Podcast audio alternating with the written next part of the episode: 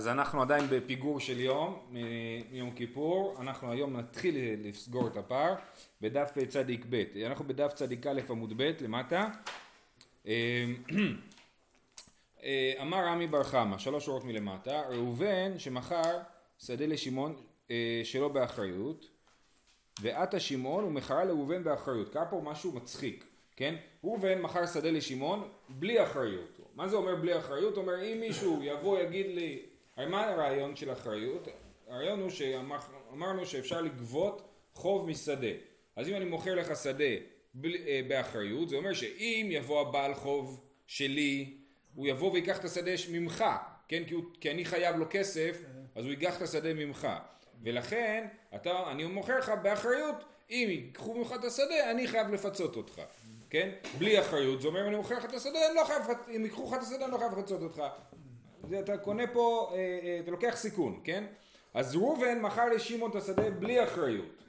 ואז שמעון מכר חזרה לראובן את השדה עם אחריות. למה שזה יקרה דבר כזה אני לא יודע, אבל זה מה שקרה, כן? ואז בא בעל החוב של ראובן ולוקח את השדה מראובן. עכשיו אבל, זה, השדה הזאת כבר לא של ראובן, השדה שראובן קנה משמעון באחריות. אז הוא בא לשמעון ואומר לו, אתה מכרת לי שדה? באחריות, לקחו לי את השדה, תחזיר לי. שמעון לא יכול לחזור לראובן ויגיד לו, אתה מכרת לי שדה, כי הוא מכר לו את זה בלי אחריות. אז הבעל חוב של ראובן גובה מראובן את החוב, ומי שנדפק מזה זה שמעון. בסדר? זה הסיטואציה. אמר רבי ירחם, ראובן שמכר שדה לשמעון שלא באחריות. ועתה שמעון הוא ומאחר לראובן באחריות, ועתה בעל חוב דראובן וקטריף לימיני, הוא אומר לו, דינה הוא דאזל שמעון ומפצלי. כן? זה מה שרמי בר חמא אומר. הדין הוא ששמעון צריך לפצות את ראובן על החוב הזה, שזה באמת יוצא משונה. אמר לי רבא לא נכון. נאי דאחריות דעלמא קביל עלי, אחריות דנפשי מקביל עלי. כששמעון מכר לראובן שדה באחריות, הוא מכר שדה באחריות על עצמו, שאם יבוא בעל חוב של שמעון ויגבה ממנו את החוב דרך השדה, אז הוא יצטרך לפצות את ראובן. אבל הוא לא מכר לו באחריות על החובות של ראובן, כן? אז הרב אומר לו לא נכון, אתה לא צודק. בסדר? ולכן הוא לא יצטרך לפצות אותו. אחריות דעלמא קביל עלי, אחריות דנפשי מקביל עלי. ומודה רבה בראובן שהיה שדה מיעקב, הוא מכרה לשמעון שלא באחריות, ועתה שמעון הוא מכרה לאובן באחריות, ועתה בעל חוב דיעקב וקטריף לימיני, דינא הוא דאז לשמעון ומפצי לימיני. זאת אומרת, אם יש לנו מקרה כזה, ראובן קיבל שדה בירושה מאבא שלו, מיעקב, כן? ואז הוא מכר את זה לשמעון בלי אחריות, ושוב שמעון מכר את זה לראובן עם אחריות, ואז בא בעל החוב של יעקב, לא של ראובן, יעקב היה חייב כסף, והוא, הוא, אז הוא בא וגובה את השדה, מהירושה הוא גובה, את, הוא גובה את השדה, על זה גם רבא מודה, ואז הוא לוקח את השדה מראובן, אבל זה השדה שראובן מכר לשמעון וקנה ממנו חזרה, ולשמעון יש אחריות על, על המכירה של השדה לראובן, אז כן אה, ראובן יכול לקבל פיצוי משמעון. למה? מקודם אמרנו שהחובות של ראובן הוא לא יכול לקבל להם פיצוי משמעון. כי זה כבר כאילו מישהו זר גבה משמעון, כן? דינא הוא דאזל שמעון ומופץ אלי מיני, מה איתמה? בעל חוב דיעקב כבעל חוב דעלמא דמי, כן? הבעל חוב של יעקב הוא כמו בעל חוב של העולם שנופל על ראובן, כמו שיש בעל חוב של שמעון שיגבה משמעון את השדה יגבה מראובן כאילו את השדה אז שמעון יצטרך לפצות את ראובן. אז גם בעל חוב חיצוני של יעקב החובות היחידים ששמעון לא צריך לפצות את ראובן זה החובות של ראובן בעצמו. בסדר? אה, זהו זה הסיפור הזה. עוד סיפור אמר רמי בר חמא כל הסוגיה שהתחילה אתמול זה רובה זה אמירות של רמי בר חמא שהוא פורמליסט כזה הוא הולך לפי הכללים. הוא לא מנסה לחשוב כאילו מחוץ לקופסה כמו המקרה הראשון שראינו פה הוא לא חושב מחוץ לקופסה, הוא אומר אין מה לעשות, זה יש לו אחריות, הוא אין לו אחריות, זה מה שקורה. והרב אומר לו, לא, תחשוב על זה, כאילו, לשמעון אין אחריות על החובות של ראובן. בסדר? אז זה מה שקורה פה כאילו בסוגיה. אמר עמי בר חמא, ראובן שמכר שדה לשמעון באחריות, וזקף עליו במילווה. אוקיי, אז ראובן מכר שדה לשמעון, באחריות, סבבה, אבל שמעון עוד לא שילם לו, אז הוא זקף עליו במילווה, הוא אומר, אתה צריך לשלם לי על השדה אלף שקל, אז אתה חייב לי אלף שקל, כן? זה חוב, זה הפך להיות חוב. זה כפן עליו במילווה.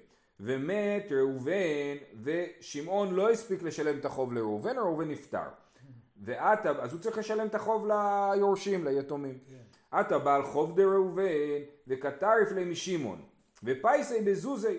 אז מה קרה? הגיע בעל חוב של ראובן לגבות את החוב שלו, ומהשדה שנמצאת אצל שמעון, שמעון אמר לו תשמע, אני ממילא עוד לא שילמתי אז אני אשלם לך בכסף את מה שאתה רוצה לגבות, השדה יישאר אצלי ואני אשלם לך את כל הכסף שאני הייתי צריך לשלם לראובן וזה יהיה הכיסוי של החוב, כן?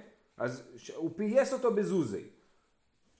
דינא הוא דאמר לי בני ראובן אנן מטלטלי שווק אבון גבך ומטלטלי דיאטמי לבעל חוב לא משתעבדי הם אומרים לו רגע רגע אתה עדיין חייב לנו כסף לא שילמת לנו את הכסף אז הוא אומר להם רגע אבל אני שילמתי את זה לבעל חוב אומרים לו כן אבל בעל חוב לא יכל לקחת מאיתנו כסף כי בעל חוב יכול לגבות כסף מהיורשים רק אם יש קרקע הוא לא יכול לגבות מטלטלין הוא לא יכול לגבות כסף אז אז, אה, אז אה, הם אומרים לו, אתה דפקת את עצמך, אתה שילמת כסף לבעל חוב ואתה עדיין חייב לנו כסף, את הפירעון של החוב שלנו לא עשית.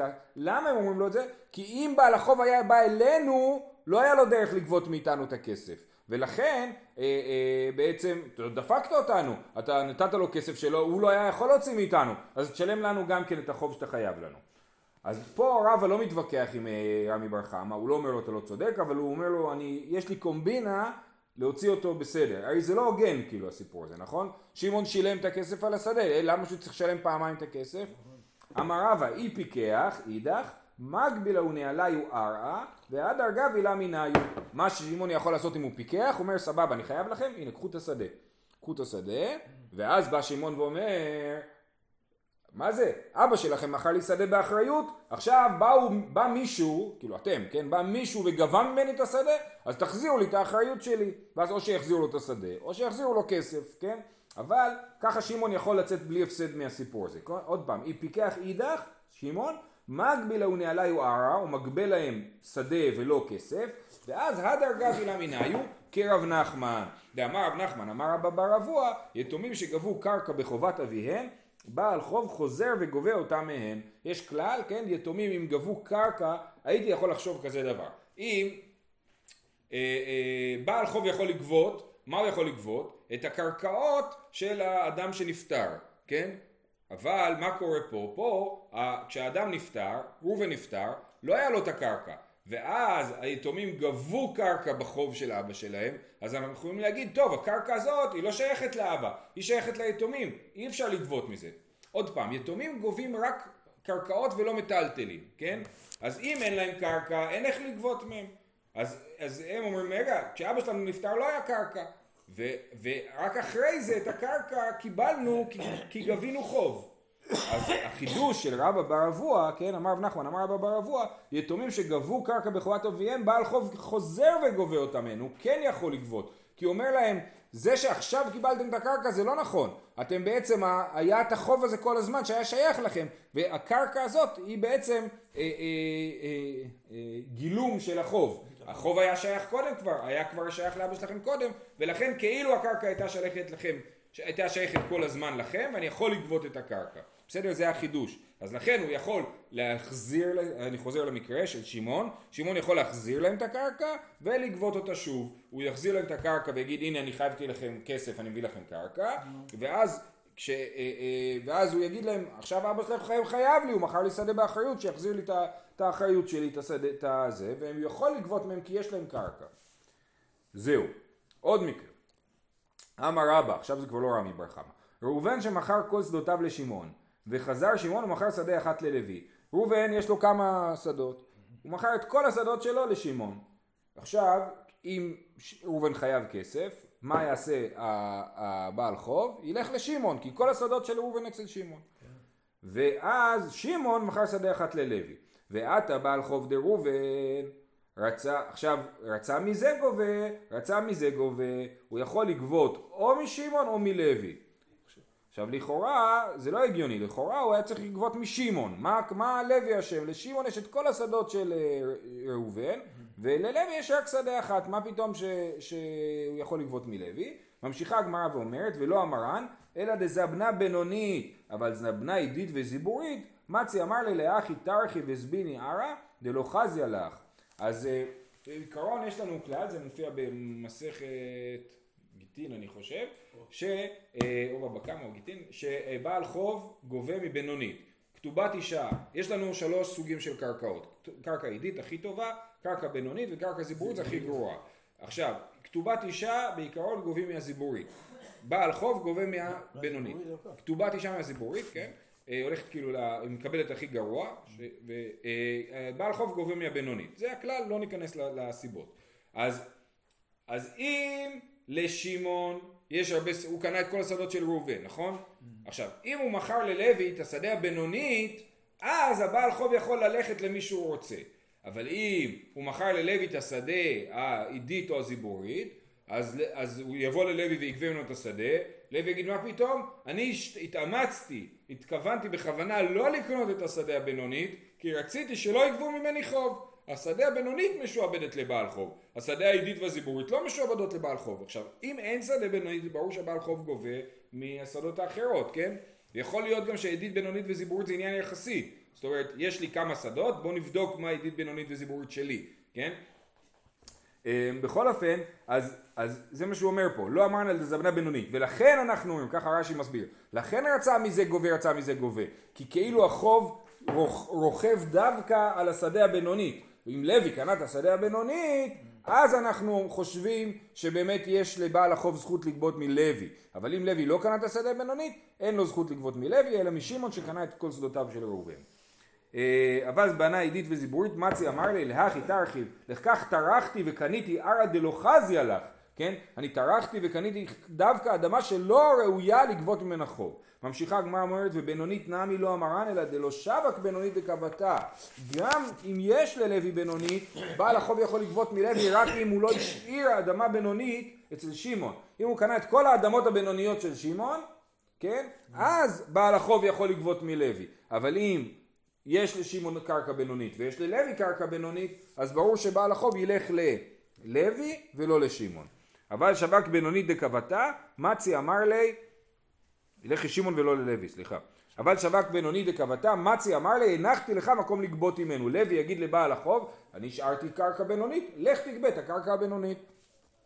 יופי. אמר אביי, ראובן שמכר שדה לשמעון באחריות, ועתה בעל חוב דראובן וקטריף למיני. מקרה רגיל, ראובן מכר שדה לשמעון באחריות, היה בעל חוב, בעל החוב גבה את הכסף, את השדה משמעון. דין ההוא דאזי לראובן ומפצלי, ולא מצי אמר לי אליו בעל דברים דידיית. בעל החוב הולך לשמעון, אומר לו אה, תביא לי את השדה שראובן חייב לי כסף. אז ראובן, לא, הוא לא יכול להגיד לראובן אתה מחוץ לסיפור.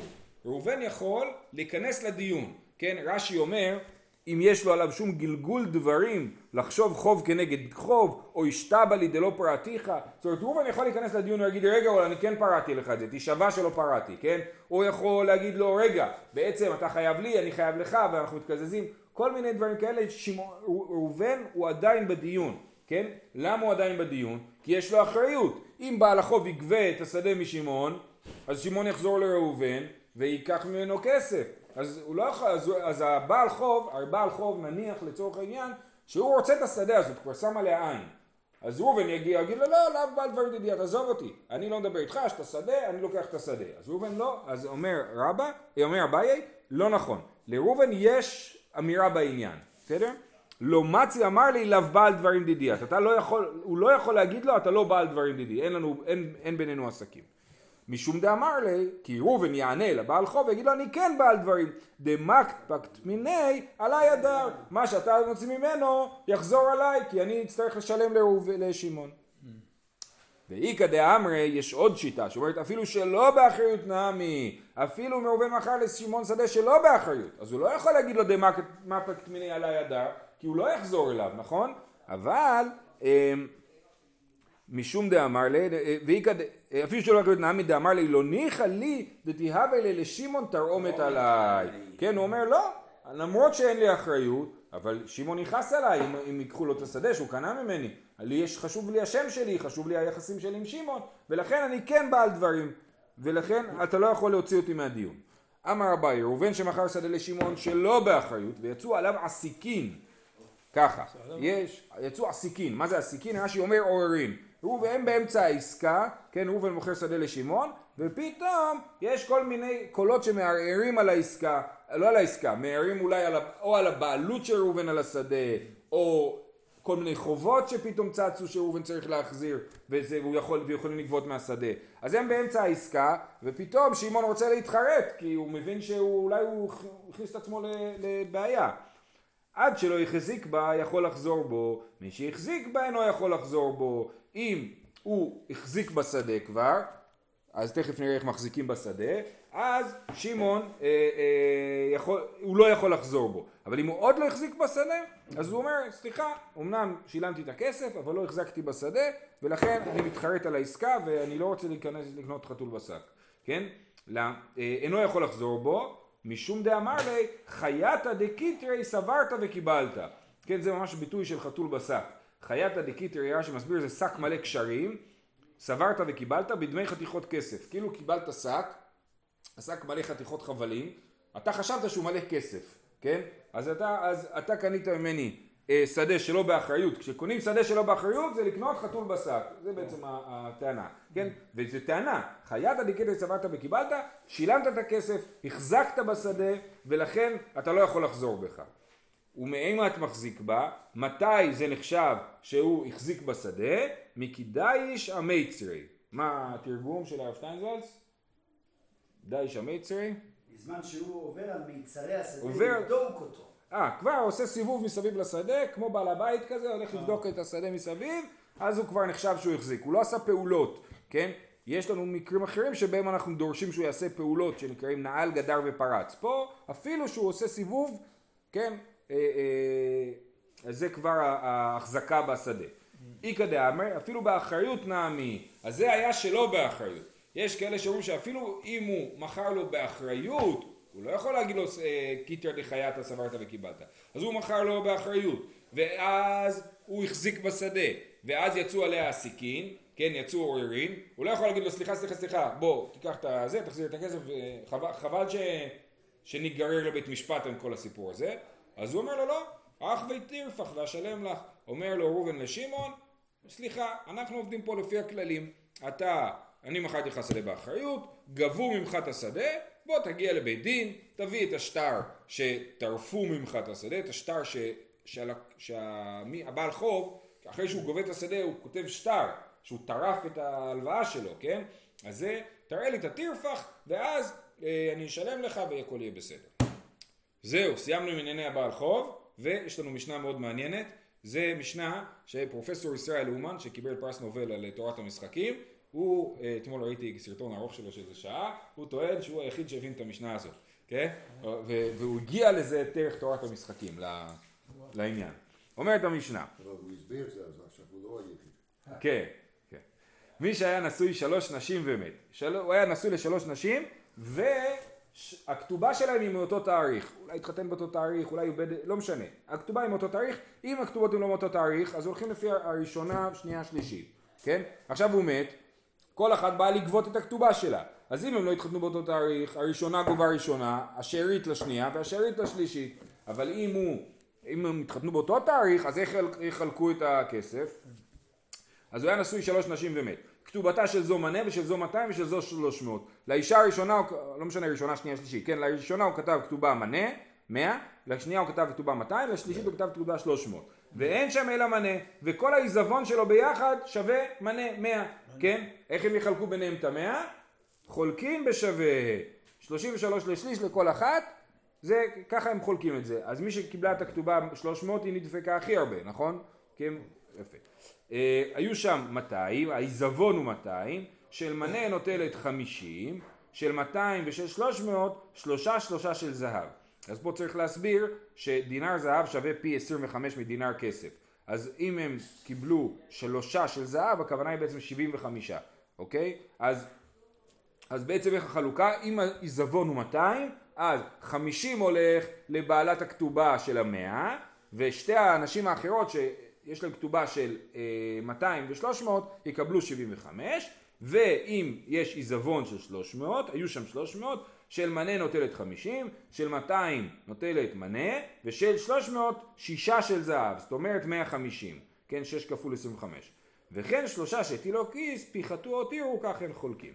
אז אה, אומרת המשנה, בסופו של דבר גם זה החלוקה הנכונה לא רק בכתובה, אלא גם בעסקים. יש לנו שלושה שותפים, אחד שם 100, אחד שם 200, אחד שם 300, איך, איך, איך נחלוק ברווחים ובהפסדים, אותו, באותה, באותה דרך. מה הדרך שכתובה פה בעצם? אז החידוש של ישראל אומן זה, אה, הוא נתלה ברב ההיגאון, שכתב את זה נקרא כדרך שניים אוחזים. מה זה אומר כדרך שניים אוחזים? יש לנו משנה מסכת אה, מציע, משנה ראשונה, שניים אוחזים בטלית, זה אומר שכולה שלי וזה כולה שיחלוקו, זה אומר כולה שלי וזה אומר חצייה שלי, אז הוא יקבל שלושת רבעי והוא יקבל רבע. מה הקטע? הקטע שאנחנו אומרים, על מה שאנחנו מתווכחים, אנחנו מתחלקים חצי חצי. זה הוורד, כן? מה שאנחנו מתווכחים אנחנו מתחלקים חצי חצי. אז אם אתה, אני, אתה אומר שכל הטלית שלך, אני מודה שחצי מהטלית שלך, אז על חצי אנחנו לא מתווכחים, קח חצי. על החצי שאנחנו מתווכחים, כל אחד מקבל רבע, ולכן אתה מקבל שלושת רבע ואני מקבל רבע. אותו דבר גם לגבי הכתובה, אבל יש פה עוד חידוש, שצריך להגיד שכל שתי נשים שמתווכחות ביניהם, כאילו זה, זה מסתדר להם. זאת אומרת, אם נגיד המק- המקרה האמצעי בעצם הוא הכי בעייתי, במקרה של המאתיים, כן? אז זאתי שיש לה כתובה מנה, אומרת על המנה יש, העיזבון הוא 200. היא אומרת על, על המאה השניים אני לא מתווכחת בכלל, אין לי נגיעה בהם, אני התחייבו לי על 100, אז אני מתווכחת על המאה, על המאה השניים תתחלקו ביניכם, בסדר? ואז מה בעצם הן עושות? הן מתחלקות במאה, ושלושה מתחלקות במאה, ושלוש נשים מתחלקות במאה, ושלוש נשים מתחלקות במאה, ושתי נשים מתחלקות במאה השני. אז בעיקרון מה שהיה צריך להיות, והגמרא שואלת את זה, זה שעל המאה הראשון יתחלקו 33 ושליש כל אחת, ועל המאה השני יתחלקו אמ, 50-50. אז יהיה עדיד שאחת מקבלת 83 ושליש, 83 ושליש, והשלישית מקבלת 33 ושליש. הגמרא תנסה להסביר למה זה לא ככה, למה זה 50, 50, 75, 75. זה החלוקה השנייה, החלוקה השלישית עושה אותו דבר. על המנה הראשון כולם מתווכחות, על המנה השני שתיים מתווכחות, על המנה השלישי אחת, לא, אחת אה, לבד, רק אחת טוענת שהמנה השלישי שלה. נכון? אז לכן היא מקבלת, היא מקבלת 100 על המנה השלישי, ועוד היא מקבלת 50 שהיא רבה עם השנייה על המנה השני, ועל המנה הראשון היא לא מתווכחת. על המנה האישה השנייה מקבלת מה-200 היא מתווכחת על שתי מנים, היא מקבלת אמרנו 100, כן? 100 זה 50 שהיא רבה עם, ה... עם אחת על המנה הראשון ו-50 שהיא רבה אחת על המנה השני אז היא מקבלת 50 ועוד 50 זה 100 והשלישית מקבלת 50 כי היא רבה רק על המנה הראשון אז היא מתחלקת בו. ובכן אה, אומרת הגמרא של מנה נוטלת 50 תלתין וטילתא וטילתא הוא דאיתלה תלתין ותלתא וטילתא הוא דאיתלה למה במקרה של החלוקה של המאתיים הראשונה מקבלת 50 היא צריכה לקבל 33 ושליש כמו שהסברנו שהמנה השני הוא במחלוקת רק בין שתי נשים. המנה הראשון הוא במחלוקת בין שלוש נשים. אז למה היא מקבלת 50 היא צריכה לקבל שליש. אמר שמואל, בכותבת בעלת 200 לבעלת מנה, דין ודברים אין לי עמך במנה. הבעלת 200 זה סוג של אוקימתא, כן? בעלת ה-200 אומרת לבעלת המנה, לא מתווכחת איתך בכלל על המנה, אני הולכת לריב רק על המנה השני, כן? ולכן על המנה הראשון מתחלקים 50-50. מי מתחלקים 50-50? בעלת ה-300 ובעלת המאה מתחלקות 50-50 במנה הראשון ובמנה השני בעלת ה-300 ובעלת ה-200 מתחלקות 50-50 רגע רגע מה אמרנו? אמרנו שבעלת ה-200 מקבל 75 ובעלת ה-300 מקבל 75 לפי התיאור שאני תיארתי אז בעלת ה-300 אמורה לריב היא רבה עם שתי אנשים אז היא אמורה לקבל 50 מהמנה הראשון ו-50 מהמנה השני זה 100, ובעלת ה-200 ובעלת המנה, כל אחת צריכה לקבל 50, כי כל אחת רבה על, על השנייה על 50. אז זה לא מסתדר, כן? אז במאמר דברים, במאמרת, בכותבת בעלת 200 לבעלת מנה, דין ודברים אין להמנח במנה. אי אחי אימה הסיפה של 200 ושל 300, שלוש שלוש של זהב, תימה לה, הסלקת נפשך מנה. מה את לוקחת לי מהמנה הראשון? את כבר סילקת את עצמך מהמנה הראשון. את רבה איתי רק על המנה השני. במנה השני אנחנו מתחלקות 50-50. משום דאמרה לה, מדין ודברים או דסיליקאי נפשי. זאת אומרת, לא, מה פתאום, לא הבנת אותי נכון. אני לא אמרתי אני מסלקת את עצמי מהמנה הראשון. אני אמרתי לזאתי שיש לה מנה, אין לי דיבור איתך, אני איתך לא מתעסקת, כן? ולכן, אה, אה, אני לא סילקתי את עצמי מהמנה. אלא זאתי שלקחה 50, בעלת המנה לקחה 50, היא לקחה 33 ושליש שמגיע לה, ולקחה עוד קצת ממני. אני אמרתי יאללה, אני אעלים מים ותיקח 50, בסדר, לקחה עוד קצת ממני. אבל, אבל עדיין, על החצי השני אני עדיין רבה איתך, הוא מגיע ל-25, כן? אז הראשונה מקבלת 50, שזה 33 ושליש, ועוד קצת שהבעלת ה-200 העלימה עין, והבעלת ה-200 ובעלת ה-300 מקבלות 25 כל אחת, כן? אמ, אה, זה לא לגמרי ברור, וגם תוספות פה כותב, אה, לא יתפרש שפיר תמא דאמילתא, כן? הרעיון הזה שמדין דברים אודי סליקי נפשי לא, לא מפורש לגמרי. טוב, עוד אחד אחרון, מה שנצליח. אה, אה, היו, היו שם 300, אמרנו של 200 מנה, אמרנו שהראשונה מקבלת, מה החלוקה? אם היה עיזבון של 300, הזאתי של המנה מקבלת 50, בעלת ה-200 מקבלת 100 ובעלת ה-300 מקבלת 150. ומה הסברנו? שבעלת ה-300, את המנה הראשון היא לוקחת לבד, כי על ה-300 אף אחד לא מתווכח. בעלת. עכשיו, על המנה השני, בעלת ה-300 ובעלת ה-200 מתווכחות, כל אחת מקבלת 50, נכון? 100 לחלק ל-2, אז זה 50 לכל אחת. אז הבנו איך בעלת ה-300 יש לה 150 כבר. ולכאורה על המנה הראשון הם כולם מתווכחות. אז לכאורה בעלת ה-200 אמורה לקבל משהו כמו 75 או 83 ושליש, כן? ובעלת ה-300 גם אמורה לקבל יותר. אז זה לא מסתדר החשבון. למה? אנחנו אומרים שבמקרה הזה בעלת ה-200 מקבלת מנה. אומרת הגמרא 75 הוא דאית לה. אמר שמואל, בכותבת בעלת השלוש, שמואל לשיטתו, כמו מקודם, הוא מתרץ שמישהו פה סילק את עצמו. וכותבת בעלת 300 לבעלת 200 ולבעלת מנה, דין ודברים אין להימכם במנה, אני לא מתעסקת איתכם על המנה. זאת אומרת שעל המנה הראשון מי מתחלק? רק בעלת ה-200 ובעלת ה-100, 50-50. על המנה השני בעלת ה-300 ובעלת ה-200 מתווכחות 50-50 ולכן לבעלת ה-200 יש 100, 50 מהמנה הראשון ו-50 מהמנה השני ובעלת ה-300 מקבלת 150, 100 מהמנה של ה-300 ועוד 50 שהיא רבה איתה על המנה של ה-200, בסדר? אה, אה, זה תירוץ של שמואל. רב יעקב מנהר פקוד משמי דרבינה אמר רישא בשתי תפיסות וסיפא בשתי תפיסות.